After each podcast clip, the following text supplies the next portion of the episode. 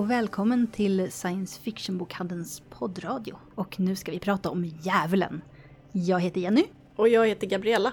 Och som gäster i det här programmet så har vi en av djävulens egna krönikörer, Mike Carey, som har skrivit manus till det fantastiska seriealbumet Lucifer. Vi har också pratat med författaren John August som har skrivit en ny ungdomsbok. Dessutom så har John August skrivit manus till bland annat The Big Fish. Och samarbetat med Tim Burton i flera andra filmer.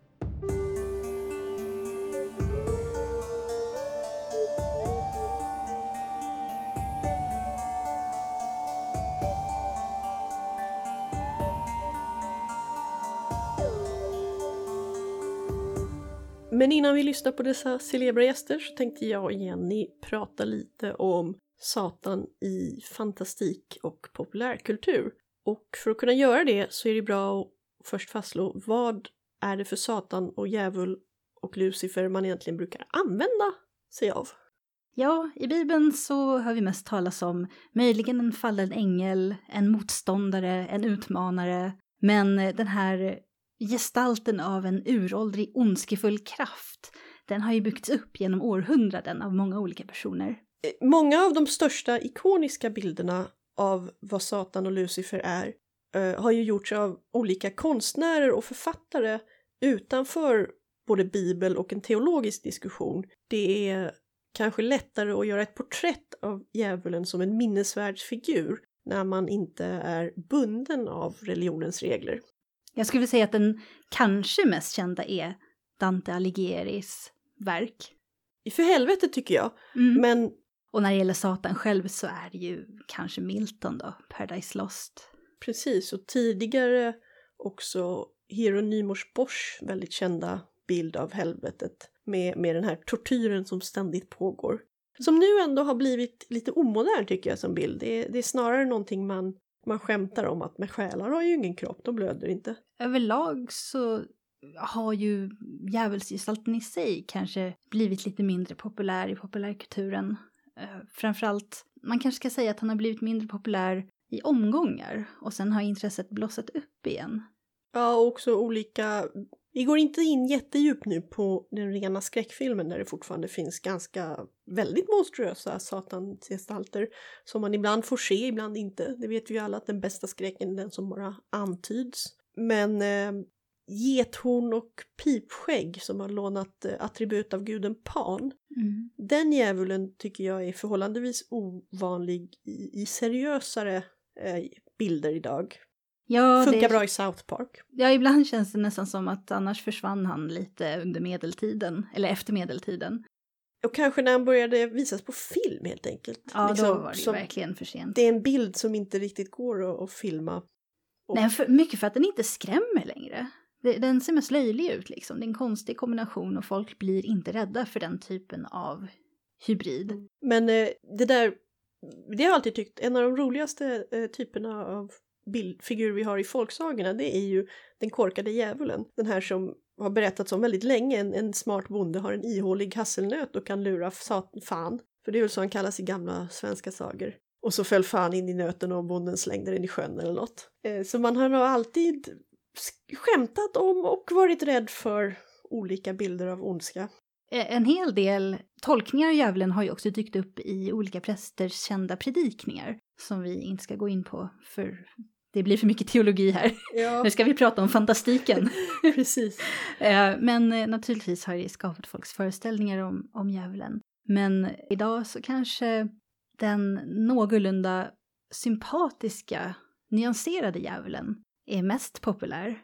Ja, jag tänker på i Harry Potter-filmen, som inte den senaste Fantastic Beast, men den första, så har vi ju då häx och trollkarlshatarna The New Salem Society eller vad de nu heter som är så här, typiska liten konstig frikyrka och de, de gör ju, de håller ju inte en särskilt svavelosande predikning om djävulen. Det är bara antyds att ah, men hon hatar häxor och för att man inte kan säga för hemska saker på en, i en Harry Potter barnvänlig film. Ja. Men alla som har läst om den typen, alla som vet vad liksom häxförföljelse och häxhammare är, kan ju fylla på vad hon förmodligen säger bakom stängda dörrar och vad hon tänker den här personen.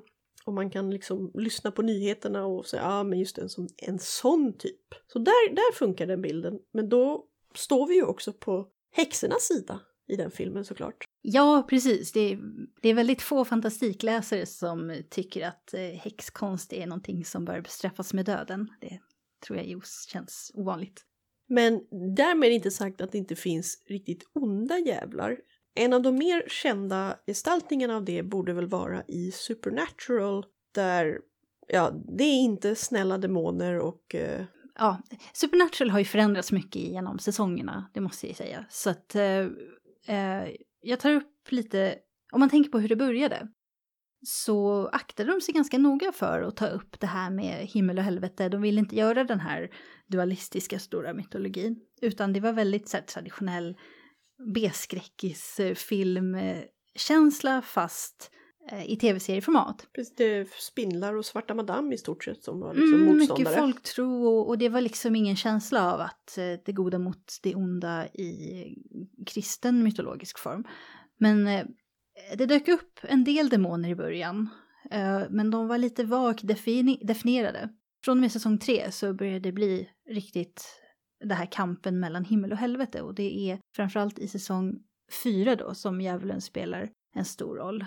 Och eh, ja, han är genomond. Han kan fortfarande vara väldigt fascinerande.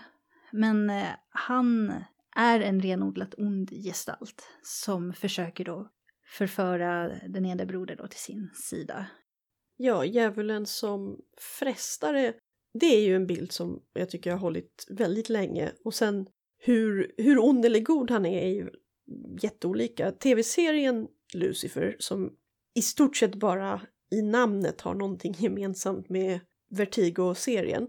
Eh, den, han är ju en frestare, den djävulen, som kan både se folks innersta begär, han typ hypnotiserar dem, och sen eh, är oemotståndligt förförisk för i stort sett alla kvinnor och ganska många män.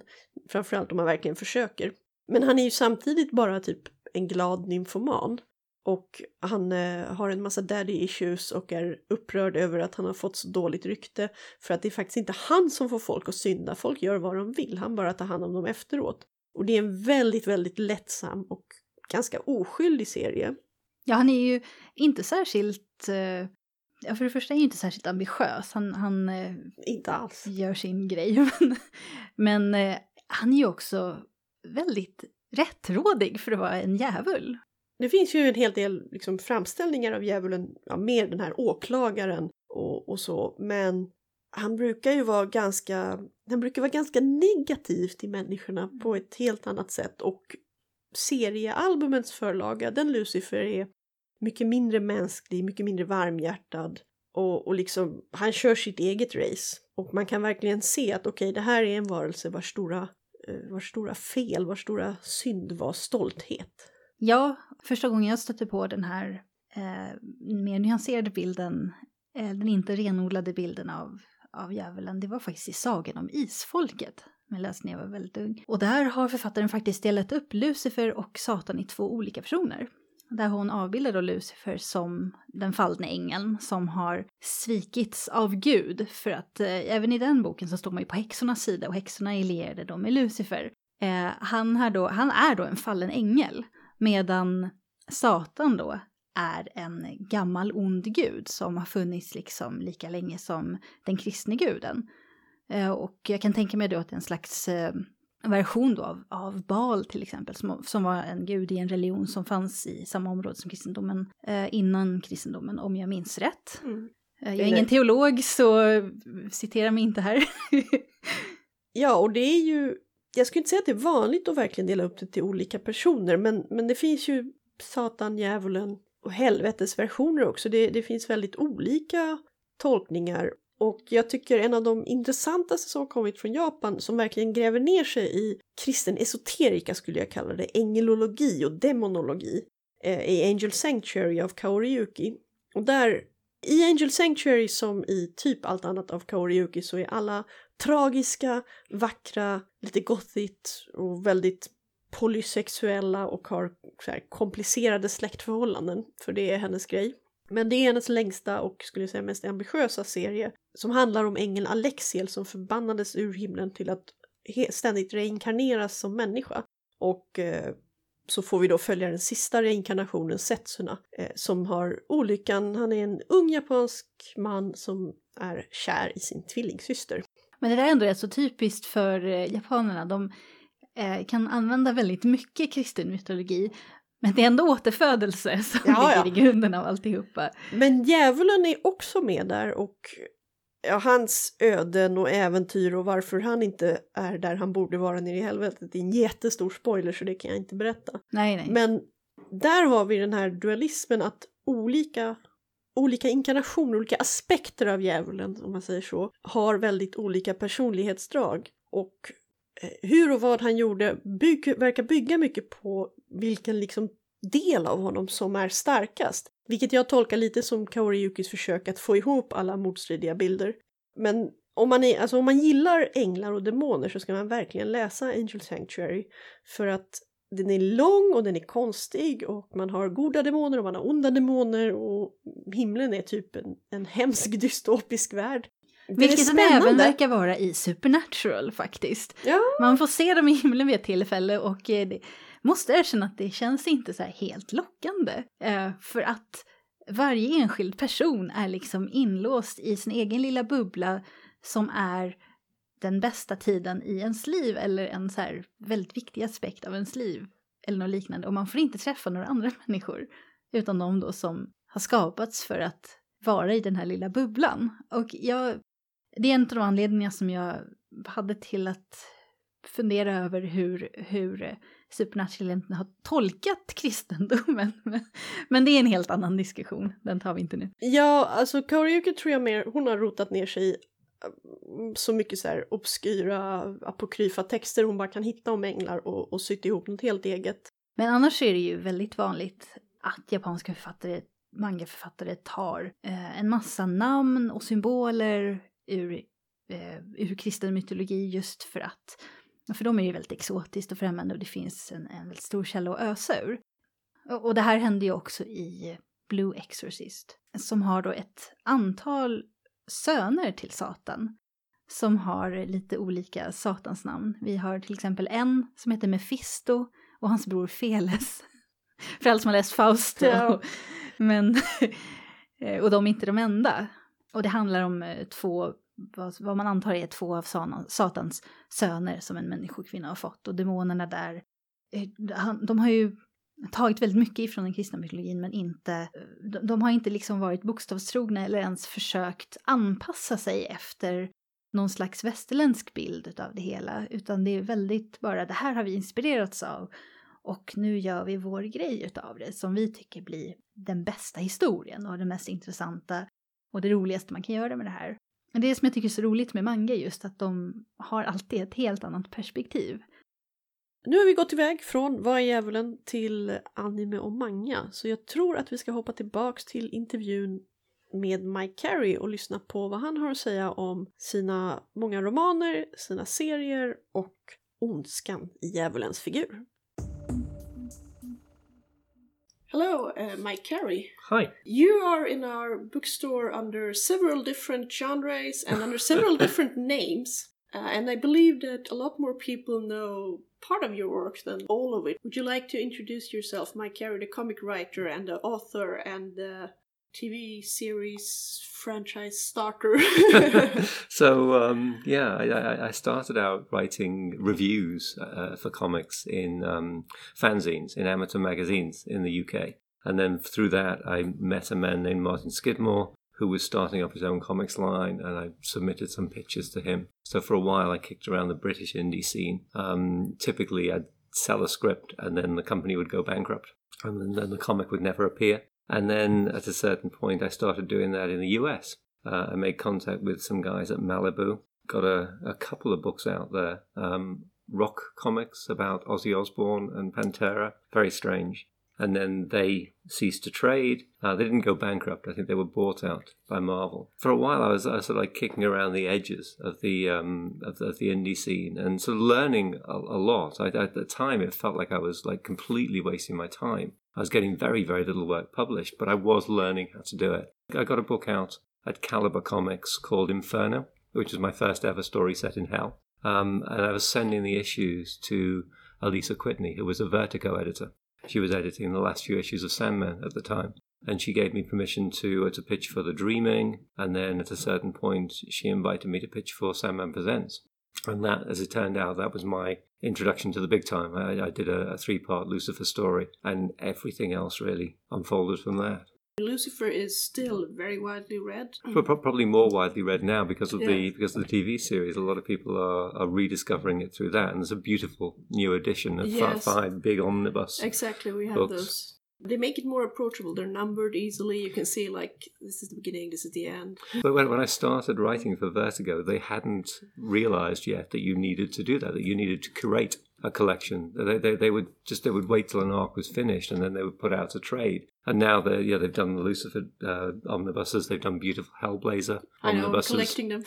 which uh, for the first time all of the Hellblazer stories in publication order. When I when I started writing Hellblazer, they were just they they'd only just gotten into the into the habit of publishing the trades immediately after the arc finished. Uh, so for a lot of my run, they were publishing Brian Azzarello's work, and then um, then they started to collect my stuff, but they'd never collected the Paul Jenkins issues. There were lots of Jamie Delano.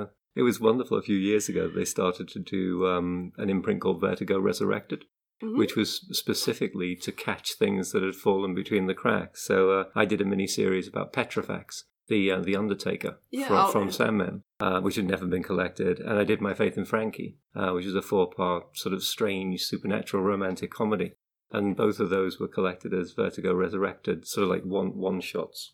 Talking about Hellblazer, that that was your big thing after Lucifer, right? So I was into, I guess, the start of my third year on Lucifer, sort of into the whole storyline of him becoming the uh, the creator of his own his own universe. And um, Will Dennis, the editor on Hellblazer, called me up and said, "Would I like to write Hellblazer?" Brian Azzarello was leaving the book. I could sort of take a shot at it, and I said no. Uh, I said no because I thought well, nobody can write two books in a month. That's crazy. And Will couldn't quite believe that I was turning him down, so he said, "Yeah, I'm I'm not going to take that answer. I'm going to wait. I'm going to I'm going to put the phone down. I'm going to wait for you to call me back." so I called him back the next day and said, "I would like to do it, please." And of course, you know, it's it's perfectly possible to do two, three, even four books at a time. You compartmentalize your brain. I just wasn't used to doing that. Writing Lucifer and Hellblazer alongside each other was was great fun.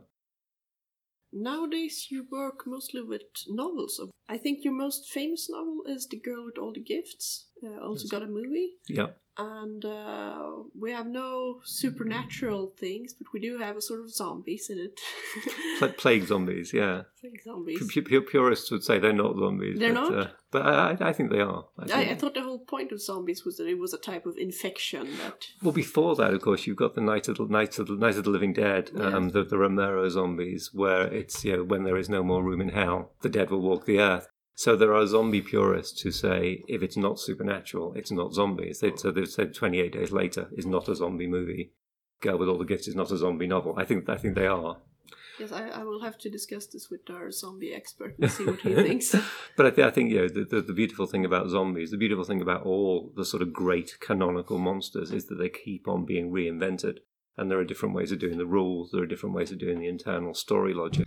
So my first novels were the Felix Castor novels, Yeah, I love those. which thank you, which which of course have zombies, they have ghosts, they have demons, they have were creatures. But it was the, the, the, the way I did it. I created a, a kind of logic which Hmm. included all of those things, which wrapped all those things together. So it's not four different um, supernatural tribes. It's the same thing happening in four different ways. Talking about wrapping it together, will the Felix Castor series get a final book? It Well, feels like there's one missing. There is one missing. Yeah, it's the one where you get the big, the answer to the big mystery. Why are the dead rising? Why is this happening now after five thousand years of human civilization? And I want to write it. I wanted to write it for a long time. I pitched it ten years ago, got it approved, but then other things happened. I ended up not writing it. So Castor sort of fell into a hinterland. And then I became M.R. Carey and wrote Yes. The Girl with All the Gifts and Fellside and Boy on the Bridge and so on. And those books were selling much, much better than the Mike Carey novels. So in, in some ways, it became harder to persuade anyone to go and look at my back catalogue. But two things have happened that might change that. One is that all five of the existing books have now been published in the US as a new edition. Hopefully, that will stir up some interest. And also, um, we've sold the TV rights Oh, I don't want to say too much about that because I think it's too too soon to announce it. But there's a project underway there which might happen and which is looking really good. So let's just keep eyes and ears open. Yes. Felix Castor fans and not give up. But Castor, in a, in a way, came out of um, was made possible by Hellblazer. It was because I was writing Hellblazer that I was able to say to Darren Nash, who was my editor. So I said, look, it would be like this. It would have some of this flavour. And Castor would be character in the same sort of mould as John. And I think if you if you look at the first book, uh, The Devil You Know, it's Castor is very, very similar to John Yes. Constantine. The, the visuals you give us for him and his surroundings feel very Hellblazer. Yeah, I think that's fair to say. And it's only with the second book that he started, started to pull away from that and build a different kind of um, architecture. I like how the, the supporting cast of the Felix Castor novels, without spoiling too much, the succubus and also the friends, and how through his interactions with them, we get a very different character from John Constantine and someone who goes into a different direction. Yeah. It's not a string of dead or dying or possessed girlfriends. Although he does have, um, you know, he, he, he's similar to John in that he's kind of a prisoner of his past. Yeah, oh yes, Yeah, there, yes. there, are, there are mistakes he's made that he has to atone for, and uh, there are stories that play out about those relationships across the five books. Even though the series is as of yet unfinished, I can heartily recommend it for everyone who likes dark and gritty urban fantasy. This is this is by far a grimmer world than uh, Jim Butcher's, for instance, but it is it takes shape very well. Do you have any more novels coming now? I do, yes. Um, so there's a there's a, a book coming out in November of this year, which is called Someone Like Me. Um, It's about domestic violence and demonic possession, and it's about a woman who is uh, stalked and harassed by her ex-husband, and is given um, the strength and the will to fight him and defeat him. But it's a it's a sort of very mixed blessing. She's suddenly um, she's sort of taken over by kind of another version of her that is much stronger, much more sort of um, self possessed, much more calculatingly um, uh, powerful. She has to try and figure out what it is that's inside her, um, what its agenda is, because it seems to be helping her, but it's it's violent and, and may not be entirely benign. And then off off the back of that, in January of this year, I had a very quiet time in January. I didn't have any deadlines. Started writing a new novel, character whose name is Coley, living in a sort of post-apocalyptic Britain 200 years after the downfall of our civilization. Long enough away from that that he doesn't remember, no, nobody remembers what the old world was like, although they still have some of the tech of our, of our world. And I've written 50,000 words of that and just shown it to my publishers. Um, I didn't pitch it to them. I just said, look, here's a half finished book. What do you think? and they liked it. So that's, uh, That's that's, really good news. When we record this, I, I saw some really nice news yesterday that uh, the Lucifer TV series is uh, renewed for Netflix. That is good news, yeah. Yes, Uh, um, Peter Gross, my artist on Lucifer, uh, for so many years, has been tirelessly campaigning for that to happen. Do you have any input on the series, or, or is No. it just it's doing its own thing very much from from the comics? But It, it, it is doing its own thing, and um, they did they didn't consult me. They didn't consult Neil. I mean, they, they, they obviously weren't obliged to consult me. I was using Neil's characters in, in Lucifer overwhelmingly. They reinvented the, the the characters and situations. Yeah, as Neil said, in a different context entirely. This is how it should be. You know, you play with toys, and when you finish, you put them back in the box so that somebody else can can play with them when their turn comes. Any kind of adaptation, I think, is also a breaking down and reassembling. It, Yeah. It's it's a it has to be a reinvention of the original. one thing I thought about when I watched Lucifer, especially in in contrast to the Hellblazer TV series. And that I've noticed in all of your books, including your fantasy novels you've written with your family, that you always include LGBT characters, that you have women in many different roles. Is this something you've done a conscious choice with? Well, I, th- I think it comes out of the collaborations. I think if you if you look at my work before um, City of Silk and Steel, Steel Saragia, most of the protagonists are men. You know, John Constantine, Lucifer, um, Felix Castor. In some cases, that's because I'm picking up a story that already existed. But even when I'm writing something that's you know, starting from scratch, I usually had a male protagonist, except for My Faith in Frankie and Regifters. So I spent two years writing with two women, collaborating with two women, uh, two very strong-willed women who had their own voice and their own their own sort of take on the story. And the first thing that we had to do was to find a voice that worked for all of us, converge on a, on a space that worked, create a space that worked for us. And I think that was a, a very much a turning point in my career. And since then, most of what I've written has had female protagonists. Even where it hasn't, it's had very, very prominent female characters. As you say, there are LGBTQ characters in there. The new novel will have trans character. So it's not it's not that I'm just sort of thinking like I have to address these issues. It just No. feels it would feel strange not to.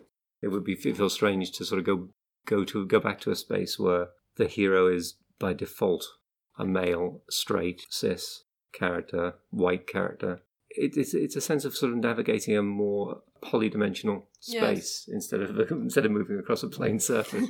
And one of the recurring themes in your novels and your comics, I would say, if I find two, it's um, well, hell and and uh, Mhm. the Yeah. undead, and the other is stories and the power of, of stories and and how how like self narratives can remake us.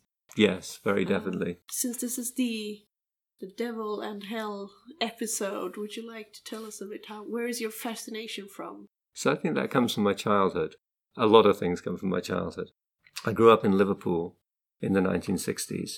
Liverpool is a strange place. It's the only city on the mainland of Britain to ever elect an Irish nationalist MP. It has a huge Irish immigrant immigrant community, and that's not a homogeneous community. It's coming in waves at different times. Um, as a result of that, it's a city where the sectarian divide between Catholics and Protestants is or historically has been very real uh, and very strong. So when I grew up, there would be Orange Day parades celebrating the, the Battle of the Boyne and the, the arrival of the Kings of Orange in, in Britain. Very often, those parades would be an occasion for a fight between Catholic and Protestant gangs. Um, my best friend came from a family where everybody was a constable or a sergeant in the Orange Brigade. So religion was big, religion was huge, and my and yet my family was um, it wasn't quite a religious free religion free zone. My dad was Catholic; he was a lapsed Catholic. My mum was an Anglican Protestant. They didn't talk about religion. My dad thought that um, religion was he, he was he was very sort of um, very against it. He thought he thought that nuns were bad luck. For example, he would cross the street to avoid a nun. I was drawn to the stories of religion. There were lots and lots of Sunday schools. There were lots of places you could go, not just on Sunday. You could go after school a lot of days to a, to a little room above a church hall where a bunch of kids would be taught by an adult, would be given Bible stories, um, hymns, games based on um, based based on biblical texts and so on. And they would always give you chocolate. They give you a chocolate bar at the end of the session. Very successful. So we would go to all of these. There's a, there's a phrase, rice Christian, where when when the Christian missionaries went to Africa, they would offer a bowl of rice if you came to Oh. a, if you came to a to a service. So we were chocolate Christians. But I loved the stories. The stories were always kind of like very very vivid and very real for me. But I loved them in a way that had nothing to do with belief. I didn't invest any any sort of um, any faith in them. I just loved them as imaginative exercises, as places to go to in your mind. And as I grew up, that didn't change. When I started writing stories, it seemed natural to borrow from that mythological religious furniture and to sort of like um, dramatize it in, in the stories that I wrote. So I, th- I think all, all the obsession with hell and devils, demons, and so on comes from that. When, when I was 18, I read Paradise Lost, and um, my, my English teacher gave it to me as an exercise and then asked me what I thought of it. And I said, It's absolutely wonderful. I love it, especially The War in Heaven. And he said, you read it as a science fiction story, didn't you? And I kind of did. You know, it was just it was just like this great, amazing fantasy set piece for me. That is how we read uh, a lot of Greek mythology Yeah. and, and uh, Egyptian mythology today, and the, the stories are very strong when you when you look at them as, as stories. And, and, and, and it's, it's a great thing to do, I think, as a writer. To um, if, if, if you if it happens naturally and organically, if the story that you're writing converges somehow on on a um, a mythological template, it's cool to um, to reference it indirectly, so that it becomes one of the part of your audience's response to the story. So in Girl with All the Gifts, um, and partly that's a retelling of the Pandora myth with Melanie as Pandora. Yes. So we get a scene quite early on where uh, she's being told that story in class, and of course, at the end of the the end of the book and the end of the movie, she has to face a decision, which is effectively Pandora's decision: Do you open the box, or do you leave things as they are? Mm. Because if you do open the box, a lot of terrible things come out, but there's also hope. You, you mentioned stories about stories. Yes, exactly. Stories about stories. That's uh, That's also an obsession, yeah. Um, and of, of- most obviously in the unwritten, of course, um, which is explicitly a story that uh, cannibalizes other stories yes. and explores the um, the impact of stories on our lives. Um, there's a there's a point in the first issue of the Unwritten where uh, Ambrosia, the villain figure, says stories are the only thing worth dying for, and I think I think I saw I sort of believe that. I would I would I would I would rephrase it slightly to stories are the thing that we tend to die by, die for and also live by. We live in narratives about the world. We don't live in the real world. We're constantly telling ourselves mm. stories about who we are, where we're going, and those stories are the things that define us. but also talking about retellings and stories. I mean, the figure of the devil, the Christian devil, if we'll stick to it, him, has also changed a great deal through. I mean, through the biblical history, you have the I don't know the English term, but like the accuser of, of God, the, the advocate, mm-hmm. uh, and then you have the the wine monster or the tempter, or there's. It, it, it is odd, isn't it, that when when when uh, when Lucifer is first uh, conceptualized, he's just the angel that looks after hell. There's no there's no suggestion that he is um, of hell, that he is hellish. He's no. just he's just a custodian. And then somehow, yeah, there's a there's a progressive re reinscription and re uh, reinvention of him until he becomes the fallen angel with all of that strange backstory about the war in heaven and so on. None of which is even hinted at anywhere in the Bible. And he, we, we love we also love stories of the devil. There's a lot more than there are about God as a character know what Blake said about Milton, yeah. talking about Paradise Lost. Blake said um, that when Milton wrote about God, he wrote in chains, but when he wrote about the devil, he wrote free because he was a poet and therefore he was of the devil's party, whether he knew it or not. Where do you think it comes from? That fascination. We, we're, we're great makers of rules and we're great breakers of rules. I think it's, it's much easier to sympathize imaginatively with but it's harder to sympathize with the power that says thou shalt not. It's easier to sympathize with the person who stands up and says, "Well, I will anyway. I'm going to do it. Try and stop me." Once you get the the, the romantic era kicking in, he's the ultimate romantic hero, and God comes across as sort of like a quite a stale and and um, dry and unsympathetic figure. I usually finish off these interviews with a question for recommendations. Have you read or watched anything recently that you think well, in, t- in, terms of watching, we're living through a golden age of, uh, of genre television. We're we're um, we're just entering the second season of uh, *Handmaid's Tale*, which we're loving. Uh, Westworld season two, uh, we're, we're going to be watching that shortly. That's wonderful. We loved *The Expanse*, the TV version of um, uh, the James Corey novels. We loved *Travelers*, which was a, a brilliant time travel series that was on Netflix last year. In terms of movies, I loved uh, the remake of *It*, uh, directed by Machete. I'm looking forward, looking forward to Hereditary next week, talking yeah. talking about demons and hell. Um, reading, I'm reading um, Tade Tade Tade Tade Thompson's Rosewater, um, which is an extraordinary book about um, an alien artifact that comes to Earth and how it changes the lives of everyone around it. I'm not very far into that, but I'm really enjoying it at the moment and I've got so is, is, his name Patrick Michael Hurley, the guy who wrote The Loney. He has another book out called Devil's Day, which I am about to read when I finish Rosewater. And uh, well, you mentioned already Paradise Lost, but if one is interested in in the figure of the devil or hell, is there anything else you think is a good good read? Yes, yes, very definitely. Um, the Marriage of Heaven and Hell by William Blake. Um, so Blake was um, a romantic poet of the early 19th century, but he stood aside from all of the other English romantics. So he's writing at the same time as Wordsworth and Coleridge. There's no evidence that he read them or cared about them. He was a religious dissenter. Um, he writes very, very passionately about uh, about God and the devil, although he usually gives them other names. So he'll, he'll often call um, uh, God Urizen or no, sometimes Nobo Daddy, um, and his his his devil. Well, his devil is sometimes called, usually called the adversary or the devil, but um, but sometimes he'll, he'll give mythological names like Loss to him. And uh, Blake's devil is not about evil; he's about will. He's an incarnation of will and desire, untrammeled desire. Blake is a fascinating poet. Thank you very much. Then we have a lot to read and look look forward. Thank you. Ja, Mike Carey nämnde ju Miltons verk och hur han gjorde sin, sin bild av Satan. Och eh, den mer sympatiska bilden utav djävulen som har inspirerat väldigt många andra författare till att skriva satansliknande karaktärer, men som inte uttalat är Satan eller djävulen. Precis, för det är ju en helt egen genre skulle man kunna säga. De som, de som har lite attribut, de som är lite gentlemen of wealth and taste. Men vi vet alla att under ytan så är det becksvart. Ja, precis. Men samtidigt så har de de här sympatiska dragen. Ja, alla har inte det. Men mycket charm också oftast. Ja. Så även, även om det egentligen visar sig att det finns inget trevligt alls när man skrapar på det, så ser de ju, ja, de är trevliga. Mm. Och förföriska oftast. Jag tänker på, alltså det som verkligen dyker upp först i min hjärna det är ju Hannibal. Hannibal Lecter då, från tv-serien Hannibal framförallt. Han har ju en liknande roll i filmerna, men i tv-serien så tycker jag den här förföriska satansgestalten blir mycket tydligare. Ja, det har väl både att göra med hur Mads Mikkelsen är som skådespelare och sen med regissörerna som skiljer, alltså för gamla När lammen tystnar-filmen mot Brian Fullers vision. Ja, det är en helt annan stämning.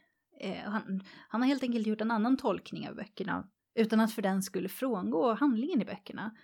Eller ens ha ändrat särskilt mycket. Han, han har flera bitar av dialogen som är exakt likadana, vilket man inte förväntade sig, men ja. Ja, men det, det kan man ju se just i olika litterära gestaltningar av Lucifer och Satan så citeras ju ofta, för det finns, liksom, i Bibeln är det inte så många bitar om Lucifer, eller djävulen eller vad man nu vill kalla dem, men de, de plockas ju ut, de här enstaka verserna, och morgonstjärnans fall och, och, och åklagaren, och tolkas och tolkas om och om igen.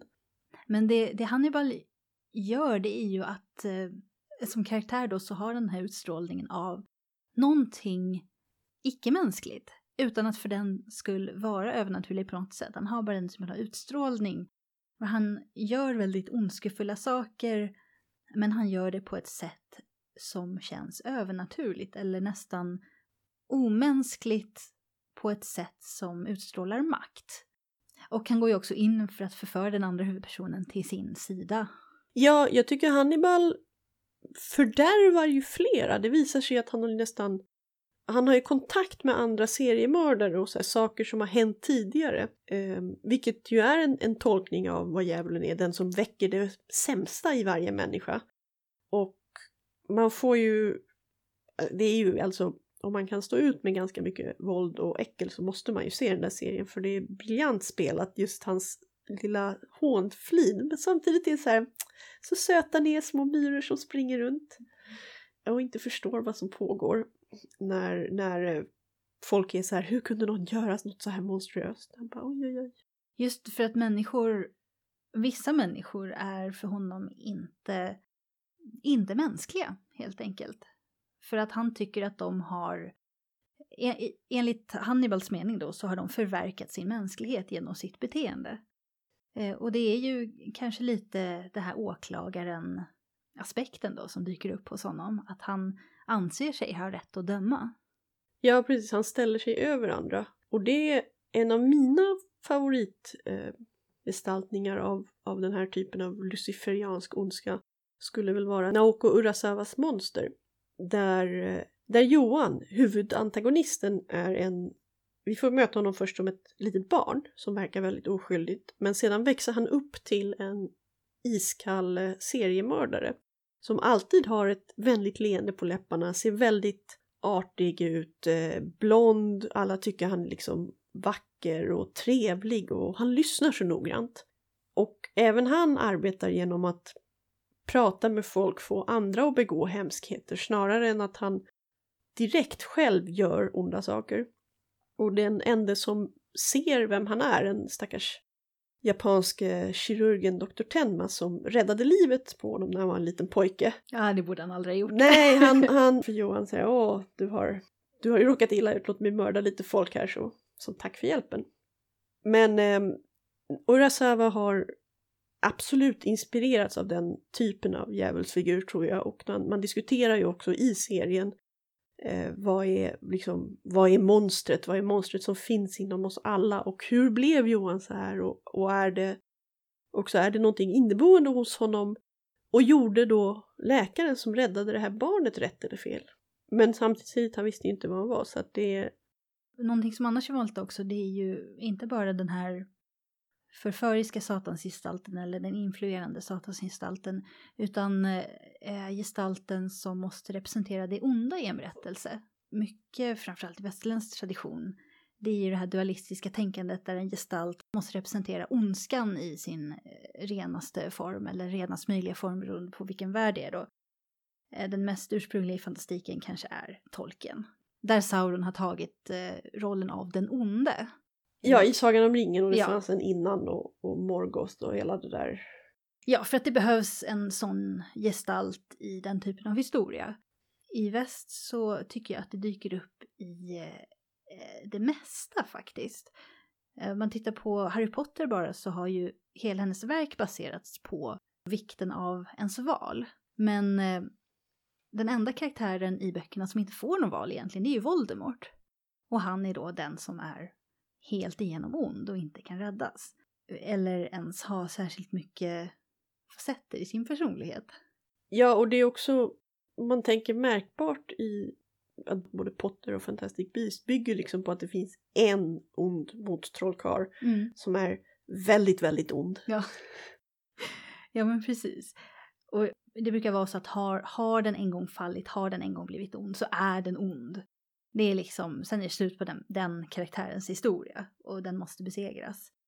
Jag skulle säga det finns undantag för, ja, för människor som, som snubblar till under berättelsens gång. Ja, men det är ju likadant i Harry Potter att eh, de som faller för Voldemorts eh, retorik har chansen att eh, till upprättelse eller att återkomma till ljuset. Men inte Voldemort själv. Och även i Supernatural så har ju båda bröderna va, utsatts för diverse, ja, på olika sätt blivit överdragna till det onda sida och Ja, sen ja. behöver dras tillbaks. Ja, båda har slutit avtal med, med djävulen eller med demoner på olika sätt vid olika tillfällen. Det är absolut. Men de själva har aldrig riktigt fallit helt och hållet. Jag menar, Sam, den yngre brodern, han eh, eh, råkade ju vid ett tillfälle till och med bli av med sin själ. Oj då. Den roligaste säsongen utav dem tycker jag. Men eh, det, det spelar ingen roll, han fick tillbaks den och han eh, eh, står fortfarande på ljusets sida efteråt, liksom när han har arbetat sig tillbaka ifrån allt det som har varit. Det är ju en tradition som är väldigt liksom, starkt förankrad i den kristna mytologin som kanske kan vara lite svårt att se om man inte tänker på det att den här idén om den eh, mänskliga själens unika ställning i, i ja, världsalltet. Att människan är den enda som kan välja hela tiden. Att människan är den enda som kan frångå sin, sin plats nästan i, i universum. För änglar och djävlar är, är mer eller mindre fast där de är. Och det är ett tema som tas upp att, att änglar, alltså att de fallna änglarna var avundsjuka på människan. Och det är också en orsak som ges till varför Satan föll. Men om man tittar på hinduisk mytologi så kan man ju, beroende på sina handlingar, återföds man på olika platser och det är mycket, det är mycket mer flytande att vandra från att vara en gud till en, ja inte en djävul, men liksom en demonisk varelse till ett hungerspöke, till en människa, till ett djur. Eh, på ett sätt som lämnar avtryck i populärkulturen som skapas i den kulturkretsen. Dogma, där vi aldrig får se djävulen, det är ju en film om fallna änglar och eh, den sista ättlingen till Jesus och Metatron och lite så här. Men eh, även där så pratas det just om, om att ja, men de är avundsjuka för valen och friheten som, som människorna har.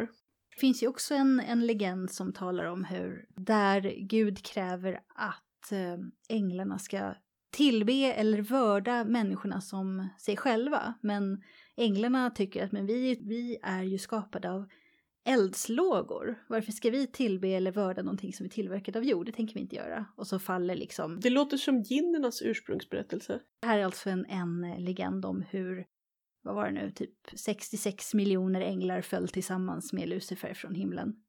Det är väldigt många änglar, men tydligen så fanns det hur många som helst, så det verkar inte ha spelat så stor roll. Innan vi kommer för långt ifrån vad vi sa att vi skulle prata om i det här segmentet så kan vi hoppa över och lyssna på John August. So today we say welcome to John August, author of many things. Thank you so much for coming. It is a pleasure to be here. Right now you are on a tour, a book tour. A book called Arlo Finch. Yes, would you like to tell us a little bit about what the book is about? So Arlo Finch tells the story of a 10-year-old boy who moves to the mountains of Colorado and uh, discovers that the forest outside his uh, town is is magic. With the, the you know once he sort of discovers this, it's with the assistance of his friends and the rangers uh, that he's able to sort of figure out how to deal with the creatures that seem to be coming out after him. And uh, it's uh, the first book you've written, isn't it? It's the first real novel I've written. So my first actual credit as a book was I wrote the novelization of Natural Born Killers a, You zill- did? a zillion years ago.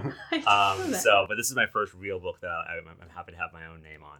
But it's not the first time you've written for younger readers or viewers, maybe I should say.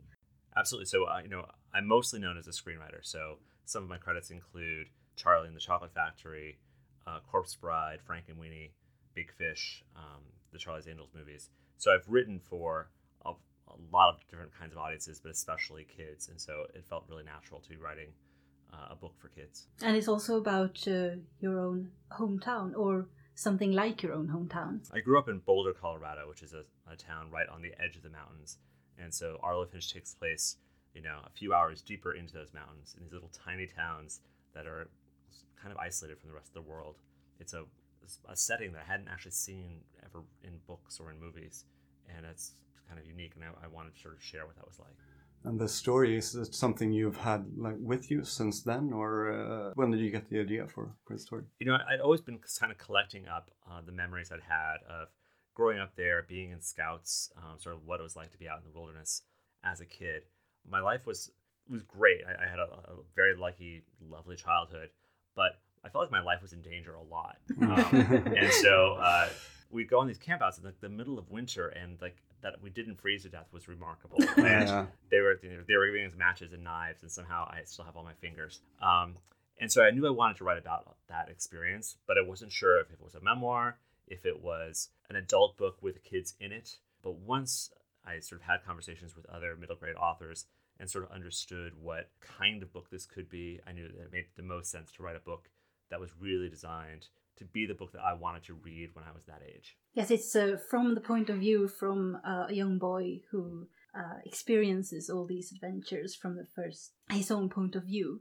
Yeah, and and point of view is actually a really fascinating thing. So it's not from point of view in the sense of he's narrating it himself. No, it's a third person. It's a third person, Mm. but it's it's a very close third person, and that's the thing you see in books written for this age about this age is that it's an omniscient narrator, um, but the omniscient narrator is mostly living inside that character's head or sort of sitting on that character's shoulder. So uh, finding the right way to keep the POV very close to that character, so you feel closely identified with Arlo, was crucial, and yet you can still zoom out and sort of paint the the nature of the world.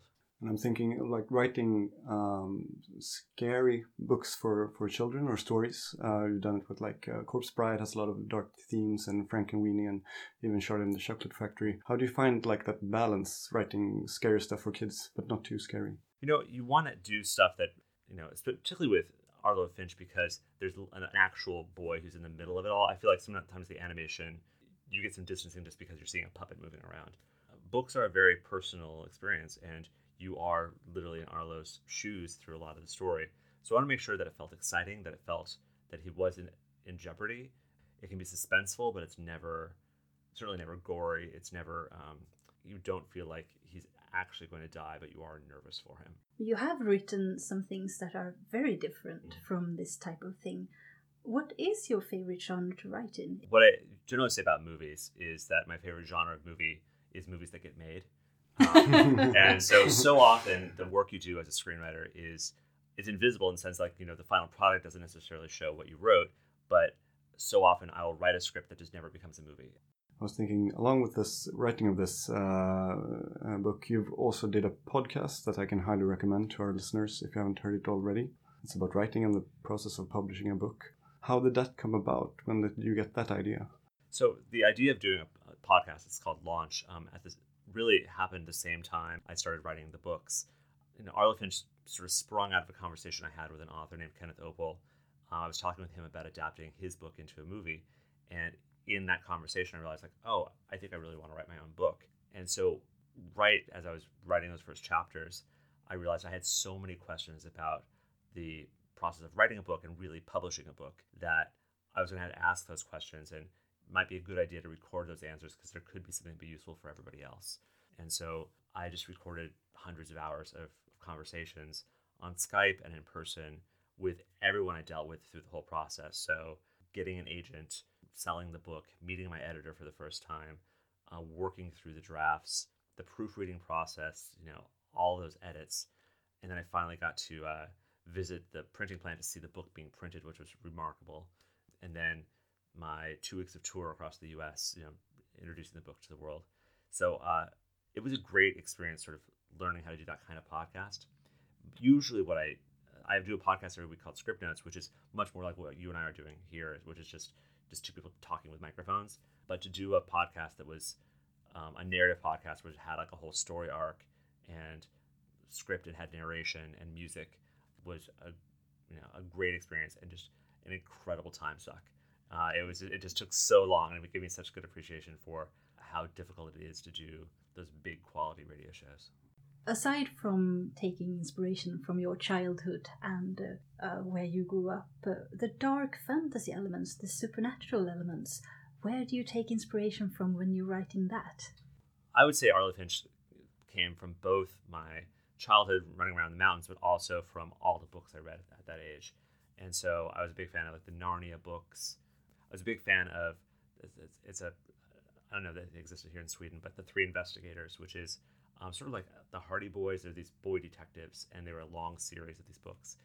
So I loved serialized books, and I loved sort of portal fantasy, um, where you cross from this world into that other world and eventually come back. Finally, we'd like to ask you if you have anything to recommend our readers. Well, one of my goals for this this year was to read 20 books, and so on Goodreads, I'm actually charting all the books I've read. So if I overlook a great title that I've, I've uh, I've missed, you can just search for me on Goodreads. You can see the things I've read this year and absolutely loved. Um, I'll tell you that a nonfiction book that I'm reading right now is called Thinking in Bets, and I'm going to forget the author's name, but she's a professional poker player who discusses how the process of learning how to play professional poker really taught her about how humans make decisions and how so often the ways we approach decision making would be much better off if we really thought about a bet. Like if we expressed our confidence in terms of like how much money would you be willing to, to bet that you're right and really embracing that uncertainty uh, is a good way to really check our biases and sort of the stories we tell ourselves about whether we were right or if we were just lucky well, that's an interesting Yeah. uh, recommendation thank you so much and thank you so much for your time oh pleasure thank you for having me Ska vi runda av lite då med att snacka om våra favoritdjävlar och eh, ja, djävulsgestalter vi minns? Ja, själv så brukar jag ju föredra när det faktiskt är djävulsliknande gestalter. Vi har ju redan nämnt Hannibal som verkligen är typ den bästa tv-serien som jag har sett. Till och med fast den blev avslutad tidigare än beräknat. Eh, Men jag är också ett stort fan av Final Fantasy 7 som är rätt gammalt nu men det ska ju komma en ny version Någon. Snart. Ja, vi får väl se om det blir något. Skulle komma 2017 sa de för ett par år sedan. Men det har kommit en trailer. det har kommit en trailer. Eh, men där är ju Sephiroth antagonisten som man ska, måste besegra. Eh, son till Genova. Det, det är lite... Eh, det är lite blandat med Kristus och Satans gestalt i honom kan man väl säga. Och dessutom så har de ju lånat en massa uttryck ifrån judendomen. De använder ju eh, Sefirot-trädet som en symbol. Som, som vi sa förut så har de ju fortfarande en väldigt mycket mer buddhistisk vinkling på det hela med det här livskraften som utgör jorden och som ska gå i ett kretslopp och återfödelse och allt det där. Men han, har en väldigt, han är en väldigt stark symbol av en fallen ängel. Och har också eh, den bästa låten med Omnius Latin Chanting någonsin. Som Ja. sin themesång, vilket ju är väldigt så här om man tittar på film och liksom när de börjar sjunga och mässa på latin då shit, då är det illa ute. Ja, precis. En av de som jag minns väldigt väl och jag såg om filmen för inte så länge sedan som den håller, det är Al Pacino i Djävulens advokat. ja, Och han är- rolig. Alltså, bokstavligen, det är djävulen. Ja. Eh, och han är jättebra. Och så här i dessa dagar blir det ju lite extra roligt när man inser att den där riktigt sliskige, typ halvpedofila affärsmannen han var ju baserad på Donald Trump. Ja, det, som han framställdes då för han är en eh, fastighetsmagnat. Ja. Och sen har vi en ung och inte så oskyldig Keanu Reeves som är då den advokat som förleds in till allt. Film som håller. Och en annan jätteklassisk djävulsfigur tycker jag som har dragit sig igenom massa olika böcker, tjocka böcker, för det är Stephen King som har skapat honom, är ju The Man in Black, Randall Flagg. Ja, han som- dyker ju upp i The Stand bland annat, Pestens tid. Precis, och jag tror det är väl där han har verkligen lämnat starkaste intrycket tycker jag. Alltså det, det är den versionen som, som jag föredrar. Som är lite mystisk, väldigt ond. Och, och man liksom förstår honom inte men han verkar ju ha himla kul hela tiden. Ja. Men även vi får se mer av hans historia och andra aspekter i The Dark Tower-serien. Och jag tror nästan att man ska tolka att det är samma person i eh, Stephen Kings fantasyroman, alltså den som är tydligast high fantasy. Ehm, Drakens ögon. ja, precis, The Eyes of the Dragon. Finns nog bara i tryck på engelska. Men det är en riktigt mysig liten fantasybok.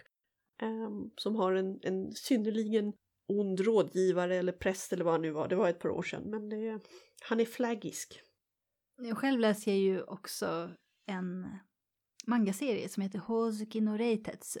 Som betyder ungefär Hozuki håller huvudet kallt. Det handlar alltså om Enmas högra hand i det buddhistiska helvetet. Och Enma är ju inte djävulen. Men den kristne djävulen kommer ju på besök. Eh, på affärsresa. Eller på, kanske snarare på diplomatiskt besök i det buddhistiska helvetet. Och den konflikten mellan då det buddhistiska och det kristna tänkandet görs väldigt tydligt på ett humoristiskt sätt, för det är ju en komediserie. Och jag rekommenderar alla som kan japanska att läsa den. Eller ser den på Crunchyroll. Ja, animen finns ju. Eh, Det finns två säsonger nu och de är ju riktigt, riktigt roliga. Men det där med byråkratin går ju igen i, i mycket manga och anime. Ja, alla som har sett eh, Dragon Ball Z eh, kanske känner igen när folk dör där så hamnar de i med små Onis och Enma och de tvättar bort synderna i stora tvättmaskiner och så tappar man minnet. Eh, om man inte är Son Goku då som hellre fortsätter slåss än och bara dör och återföds. En riktigt bra anime med jävlar som också är en remake av en jättestor klassiker i Japan var Devilman som dök upp med dunder och brak häromåret. Den kommer ju både som anime och som manga. Ja, det har släppts eh, flera olika, kanske ska dra lite backstory. Gonagai skapade Devilman som manga som kom på typ 70-tal eller någonting i Japan. Den originalmangan har översatts, ges ut i klassikerutgåva, sen finns det uppföljare slash reboots, det är lite luddigt det där, som också har börjat släppas. Det jag tycker är roligt är att eh, när Gonagai skapade den här så var det alltså ramaskri i Japan. Det ansågs vara en jättestor skandal och föräldraföreningarna gick ut i liksom demonstrationer mot honom i stort sett. Och när Devilman dök upp på Netflix nu så blev det ett ramaskri bland vissa och det var protester och det var ju alldeles för våldsamt.